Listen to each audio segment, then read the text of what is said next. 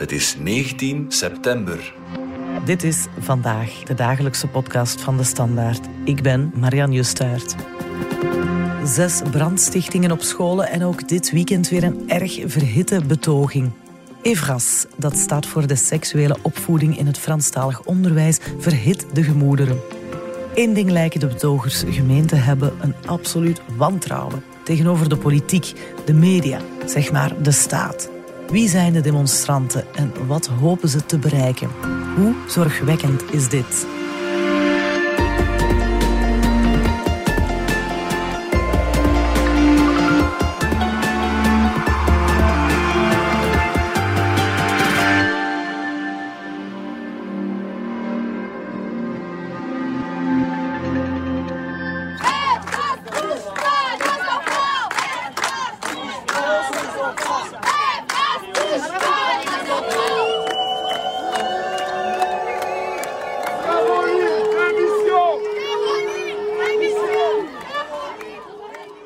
Ja, dit zijn opnames die ik zondagmiddag gemaakt heb in Brussel Centrum op een betoging tegen Evras. Peter de Lopel van de Wetstraatredactie. Welkom in de studio. Die Evras, dat lijkt wel het meest gehate letterwoord in Franstalig België deze dagen. Hè? Ja, inderdaad. Er is heel veel uh, protest tegen. Dat is begonnen met, met uh, online protesten uh, op sociale media. Er is dan eens keer een betoging geweest in, in Brussel, een aantal weken geleden. Toen er een, een stemming was over Evras. Zondag is er dan opnieuw protest geweest in Brussel. En ja, nog straffer. Er zijn zestal scholen in Wallonië, in Charleroi en Luik, waar brand gesticht is. En in een aantal van die scholen werd No Evras uh, werd daar Op, de, op de muren uh, gekalkt. Dus uh, duidelijk gelinkt aan... aan, aan die Evras. Ja, nu, Evras, waar staat het eigenlijk voor? Inderdaad. Wat is Evras? Ik laat het jou graag uitleggen. Simpel gesteld, seksuele opvoeding. En Evras staat dan voor Éducation à la vie relationnelle, affectief et seksueel. En het is vooral die S, c'est S qui mhm. dérange, seksueel. Dat is iets wat uh, veel ouders ja, vinden dat dat niet thuis hoort op de school of waar de school zich niet moet uh, mee moeien. Dat die seksuele opvoeding aan bod komt in de Franstalige scholen is niet nieuw. Nee, nee. Uh, dus Evras bestaat al sinds, tien, ja, ja, sinds 2012 effectief. Wat er nu nieuw is, is um, dat het verplicht wordt. En het wordt verplicht twee keer twee uur ja. Eén keer in het zesde leerjaar en één keer in het vierde middelbaar. Dus telkens twee uur dat dat aan bod komt. Ja, ja. En ik, ik hier het woord lesgeven, of de term lesgegeven uh, wordt, want het, daar gaat het niet om. Het gaat niet echt om, om lessen. Dus het komt aan bod. En er wordt eigenlijk gewerkt op basis van vragen van de kinderen. Dingen waar zij mee zitten, dingen die zij eh, zeg maar, gezien hebben op, mhm. eh, op, op, op tv mhm. of op een, een smartphone of, of iemand die erover gesproken heeft of anders. En dingen kunnen daar besproken worden en gekaderd worden. En om dat een beetje, om ook daar een beetje een kader voor te hebben, is er een gids opgesteld. En die gids, dat is een document van een, 300-tal pagina's, waarin ja, alle mogelijke thema's die aan bod kunnen komen, ook opgenoemd staan. En dat gaat heel breed. Um, waarom is die gids er gekomen? Van in 2012 is dat er, EVRAS. Maar er was heel veel vrijheid voor de scholen. Wat je dan in de praktijk krijgt, is dat sommige scholen dat, dat deftig aanpakken. En dat andere scholen dat heel minimalistisch invullen of bijna niet. En daarom is er dus nu die verplichting om het te doen in het zesde leerjaar en uh, vierde middelbaar. Met die gids daarbij. Nu, die gids, 300 pagina's gaat breder dan alleen dat zesde leerjaar en, dat, eh, dat vierde middelbaar. Dus die, daar komen ook vragen aan bod die kinderen van vijf tot acht zich, uh, zich kunnen stellen. En dat zijn de dingen die er mee voor gezorgd hebben, denk ik, dat de vlam wat in de, in de pan geslagen is. En waarom is er nu pas dan zoveel protest? Is dat omwille van die verplichting van uh, ocharme twee uur in het zesde leerjaar en twee uur in het vierde middelbaar? Daar moet onmiddellijk wel bijgezegd worden dat er over die S en over Everas enorm veel fake news, echt de meest waanzinnige berichten rondgaan. En dat heel veel mensen daar ook gewoon in, uh, in meegaan, in het, zotste eerst. Dus als erin staat in die gids van kijk, uh, vragen waar kinderen mee kunnen zitten, bijvoorbeeld over voel ik mij jongen of meisje, dat wordt daar dan uitgelicht en wordt verkondigd als ja, ze gaan in de scholen, gaan ze onze kinderen leren hoe ze van geslacht moeten veranderen. Mhm. Of andere dingen van ze gaan onze kinderen leren vanaf dat ze vijf, ik heb zelfs iemand horen zeggen vanaf drie jaar, gaan ze kinderen leren hoe ze moeten masturberen. Ja, ja. Ja, dat, is dus, dat is allemaal, allemaal absolute kwats. Dat is dus echt niet wat er gaat gebeuren. Franse minister van, van Onderwijs, Caroline Desir, eh, heeft het ook al een aantal keren met hand en tand op die manier proberen uitleggen. Het gaat er net om, om kinderen die daar met nepnieuws, met rare theorieën geconfronteerd worden, of gewoon met beelden of dingen die ze niet begrijpen, Ja. om die wat uitleg te kunnen geven. informatie en te daar is, geven. die, Ja, ja. Die, die gids eigenlijk het, het, het houvast voor de, de mensen die, die die cursus en animation, noemen ze het in Franstalige kant, animation geven. Ja, nu er doen de wildste verhalen de ronde. Ik heb het zelf vastgesteld op de betoging. Zondag, ik interviewde daar een aantal eh, ouders, moeders, ook grootouders. En eh, ja, is het door die gids allicht wel. Maar ze zijn er rotsvast van overtuigd dat eh, de kinderen al van heel jonge leeftijd van alles te horen krijgen dat niet voor hun kinderoren bestemd is.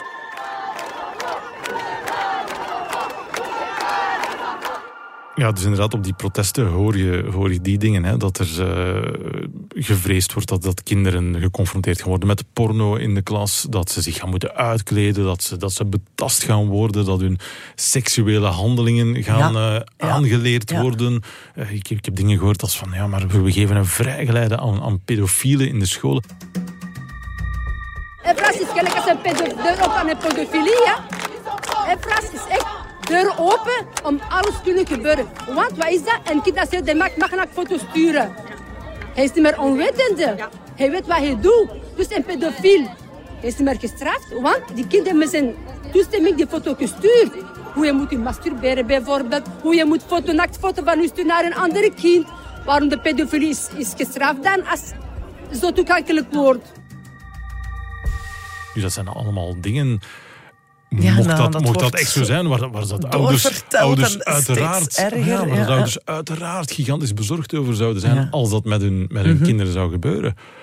Maar dat gaat dus niet gebeuren, want dat, dat is het net. Het gaat om twee keer twee uurtjes animation, waarin dat op basis van de vragen waar de kinderen zelf mee zitten, een aantal dingen gekaderd worden. Ja. En, en het is niet zo dat eh, ja, de, de mensen die, die die cursus geven, de kinderen gaan eh, sturen naar, naar dit of Ja, of zich doen uitkleden of, of gender dat. Maar of- ja, nee, ja. nee, nee, het is ja. heel hardnekkig. Ja. hè. In de aanloop naar eh, de betoging zat ik op de trein een beetje eerder. En daar kwam ik een jonge vrouw tegen die, eh, die er ook mee bezig was.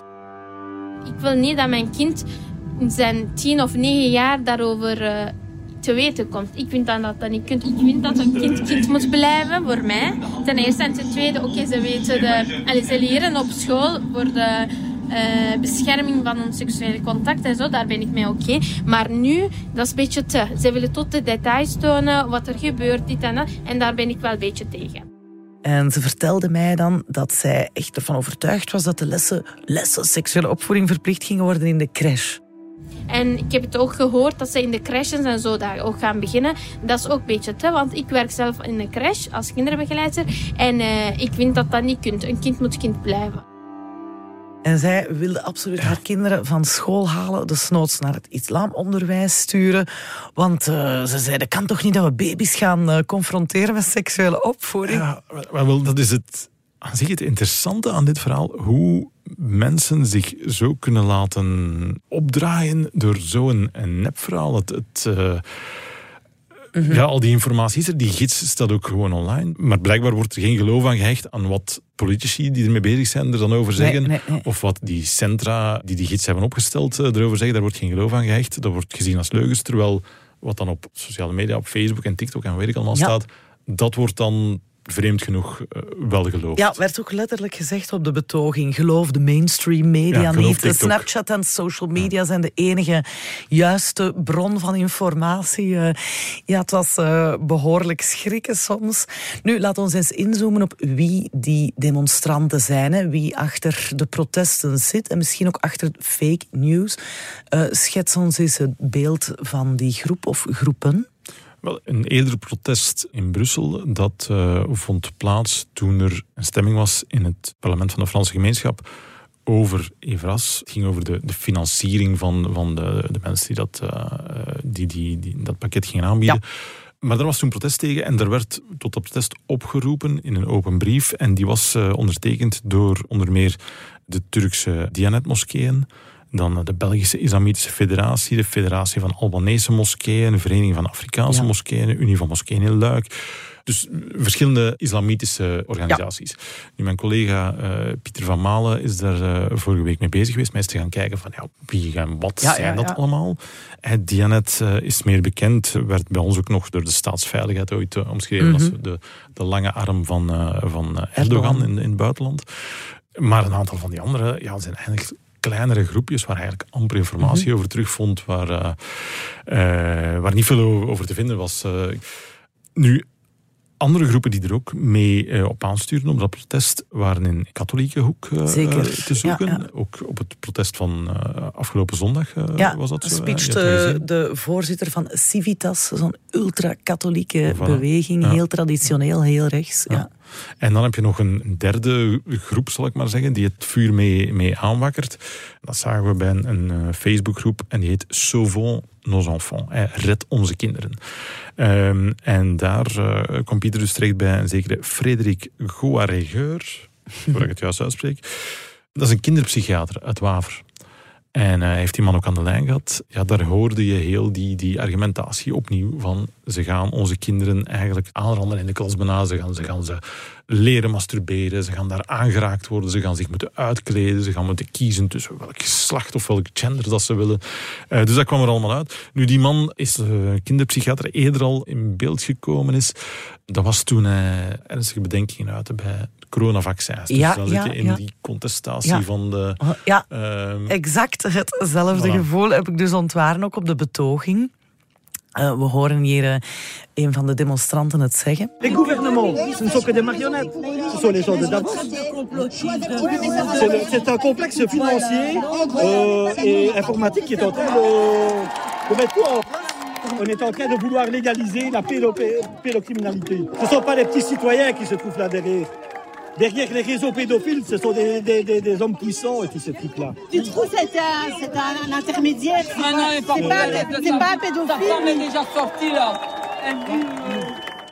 Ja, dan zie je dat daar ook echt wel mensen kwamen, veelal zo vanuit een soort anti-establishment gevoel anarchisten, maar ook de vroegere antivaxers, die daarin de greep van de staat zien. Zo, ja. Voor wie Evras bijna het zoveelste bewijs was of een symbool was voor het feit dat de staat ons probeert, ons burgers probeert monddood te maken. Dat, dat was, letterlijk, on, on ja. nous prend pour les camps, on nous prend ja. pour les moutons. Dat, dat, was ook zo bij, bij die protesten inderdaad tegen de coronamaatregelen of tegen vaccinaties of de, hoe heet het weer, de coronapas, nee, dat is, dat is, niet het exacte woord. Ik ben het al vergeten. Het is... Gelukkig zijn we het allemaal vergeten. Maar effectief, dus, dus uh, dat, dat, je, dat je niet overal binnen mocht zeggen je gevaccineerd ja. was. Um, en ook daar, inderdaad, was dat protest ook gericht tegen zij, de politieke elite, ja. de elite, ja, de die maar beslist zonder ons. Ja, en dat zie je hier ook, ook terugkeren. Hè. Het, ja. het, lijkt er makkelijk bijgehaald. Maar wij stoppen op uh, seks, kinderen, politieke elite. Wij hebben niks te zeggen.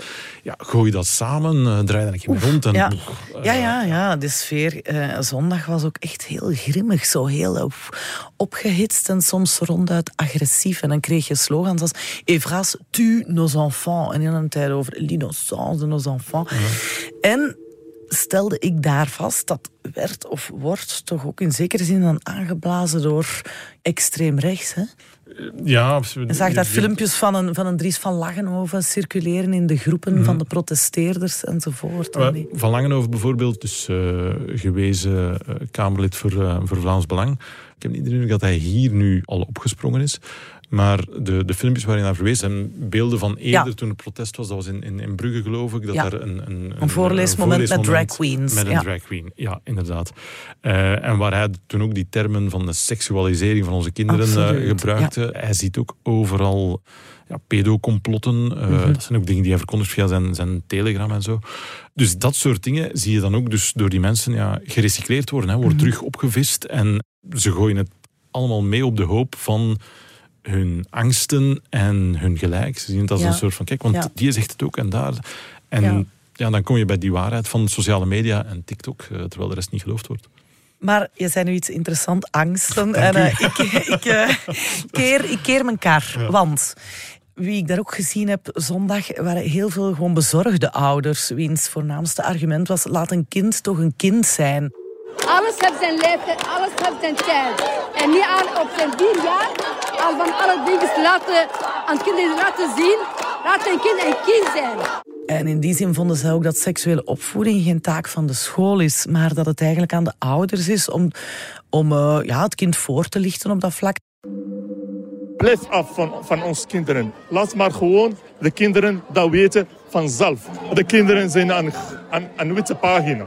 Het is een, witte pagina. Wij kunnen ouders schrijven op de pagina wat we willen. Ik wil zeggen dat dat ons eigendom en we willen gewoon dat de kinderen gaan naar school om te leren, te schrijven, te rekenen. Wij ouders zorgen voor de rest. We zullen zorgen dat onze kinderen dat leren op onze manier. Hebben zij toch ook geen punt? Moet de school zich daar nu echt mee moeien? Wel, twee dingen. Die bezorgdheid van ouders, dat die er is. In reactie daarop, de Franstalige minister van Onderwijs, Caroline Desir, zegt daar geen enkele ongerustheid gaan we niet serieus nemen. En wat is aan ons om de zaak beter uit te leggen en nog beter uit te leggen wat we daar doen. En, maar toegegeven, zit daar wel met de handen in het haar van hoe ga je tegen die enorme stroom van fake news mhm. in als mensen je niet meer willen horen. Ze zijn daar aan politieke kant ook wel ongerust over van we moeten effectief die mensen dat, dat uh-huh. uitleggen. Nu, een ander puntje ook, als ik het even dan mag naar, naar Vlaanderen trekken. Ja, graag. Daar, ja. Die, die seksuele voorlichting is eigenlijk een beetje daar uit de eindtermen gevallen. En daar onlangs ook hadden we nog in de krant verschillende organisaties die zich daar zorgen over maken. Onder meer de CLB's, die zeggen, kijk, kinderen worden, of we dat nu graag hebben of niet, dat is aan Franstalige kant niet anders, worden geconfronteerd met meer en explicietere uh, beelden van uh, ja. seks, uh, porno. Ze komen dat tegen. Ja, naakt, dickpics. Ja. ja zitten met vragen daarover. En als je daar als ouders of als, als onderwijs niet een deel van de antwoorden kan bieden, ja, dan gaan ze die ook online gaan zoeken en gaan ze dus effectief bij, bij TikTok terechtkomen voor hun, seksuele voorlichting. nu, natuurlijk. Al wat we online vinden is niet per se echt en is niet per se juist. Maar als je dat niet een beetje kadert, ja, dan kom je dus bij foute beelden en echt verkeerde antwoorden terecht. Dan ga je dingen die heel abnormaal zijn in seksualiteit, ga je op den duur als normaal gaan ervaren, omdat je ze zo vaak, uh, uh, omdat je erover mhm. struikelt bijna online, zeg maar. Mhm. Hoe reageert de politiek? Dat is de vraag die we gaan beantwoorden na de reclame.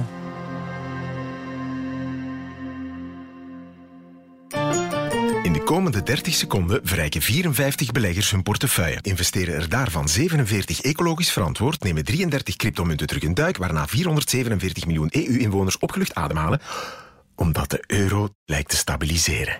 De financiële wereld beweegt razendsnel. In onze podcast Stand van Zaken staan hoofdeconoom Koen de Leus en Chief Strategy Officer Philip Gijsels stil bij de financiële trends, zodat u uw blik kan verruimen. BNP Paribas Fortis, de bank voor een wereld in verandering.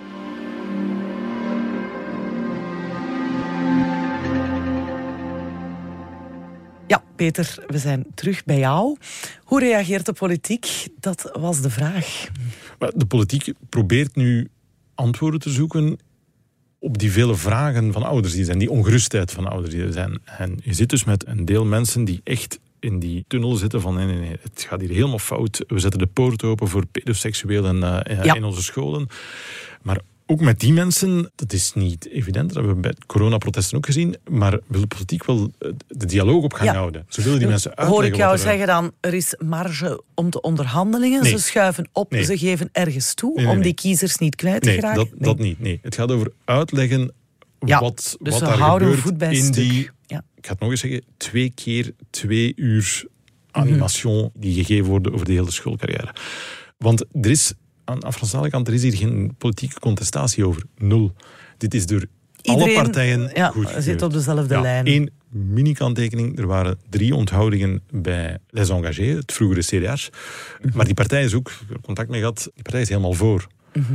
Heeft hier en daar een bedenking nog over de gids, iets dat anders geformuleerd had kunnen zijn. En, en daarom zijn er drie onthoudingen geweest. Maar verder is die partij ook voor. Sterker nog, het EVRAS is ontstaan bij CDH. Bij de drie vorige ministers van Onderwijs zijn de Marie-Dominique Simonet, CDH, Joël Muriquet, CDH en Marie-Martine Schins, Schins, CDH. ja.